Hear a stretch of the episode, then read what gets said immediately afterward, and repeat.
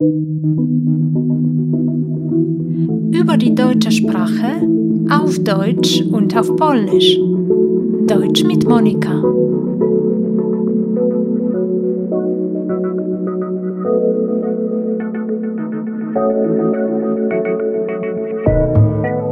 Hallo, mein Name ist Monika.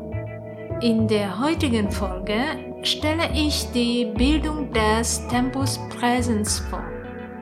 Die semantische Bedeutung von Präsens wird ein anderes Mal beschrieben. Ich lade dich zum Hören und Lesen der Transkription auf der Seite www.niemieckizmoniko.pl ein.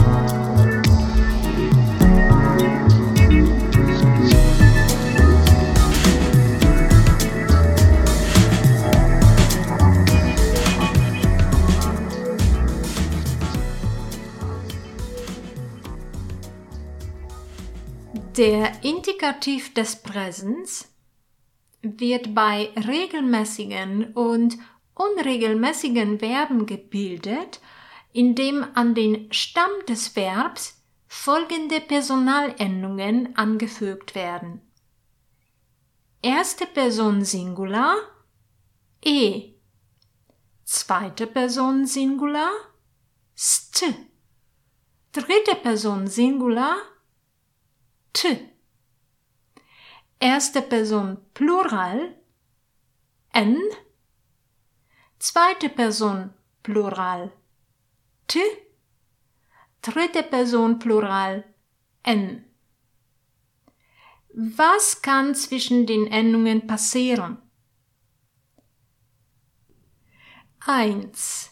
In der zweiten Person Singular, dritten Person Singular und in der zweiten Person Plural wird zwischen Stamm und Personalendung ein e eingefügt, wenn der Stamm auf d oder t endet. Zum Beispiel Du redest. Du redest. Er redet. Er redet. Ihr redet. Ihr redet. Oder du arbeitest. Du arbeitest. Er arbeitet. Er arbeitet. Ihr arbeitet. Ihr arbeitet.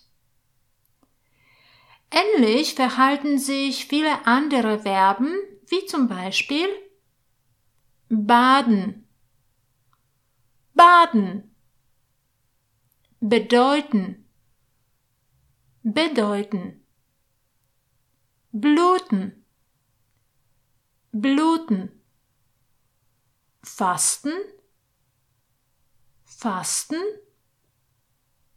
mästen, mästen, retten, retten, sieden, sieden, tasten, tasten, trösten, trösten. Zwei. Ebenso wird in der zweiten Person Singular, dritten Person Singular und in der zweiten Person Plural zwischen Stamm und Endung ein e eingefügt, wenn der Stamm auf m oder n endet und diesem m oder n ein weiterer Konsonant außer l oder r vorausgeht. Du atmest. Du atmest. Er atmet. Er atmet. Ihr atmet. Ihr atmet. Oder du rechnest. Du rechnest. Er rechnet. Er rechnet. Ihr rechnet. Ihr rechnet. Ähnlich verhalten sich Ebenen, Ebnen, Zeichnen, Zeichnen. Steht dagegen vor dem M oder N im Stammauslaut ein L oder R, wird kein E eingefügt. Du lernst. Du lernst. Du filmst. Du filmst. 3. In der Endung der zweiten Person Singular fällt das S weg, wenn der Stamm des Verbs auf S, SZ, X oder Z ausgeht.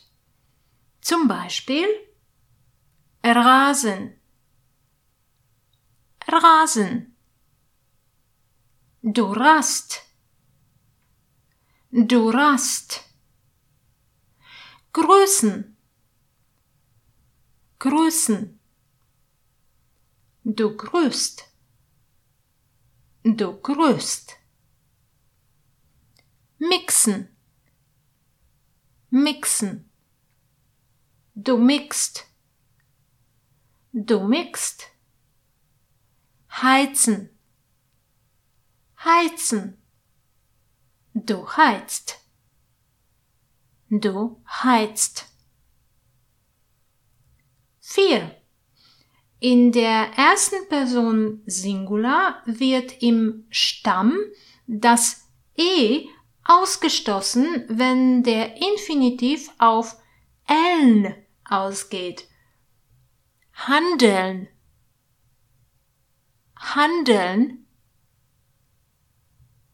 Ich handle. Ich handle. Klingeln. Klingeln. Ich klingle. Ich klingle. Ebenso sieht die Bildung der ersten Person Singular bei folgenden Verben aus. Angeln. Angeln. Ich angle. Ich angle. Rütteln. Rütteln. Ich rüttle. Ich rüttle.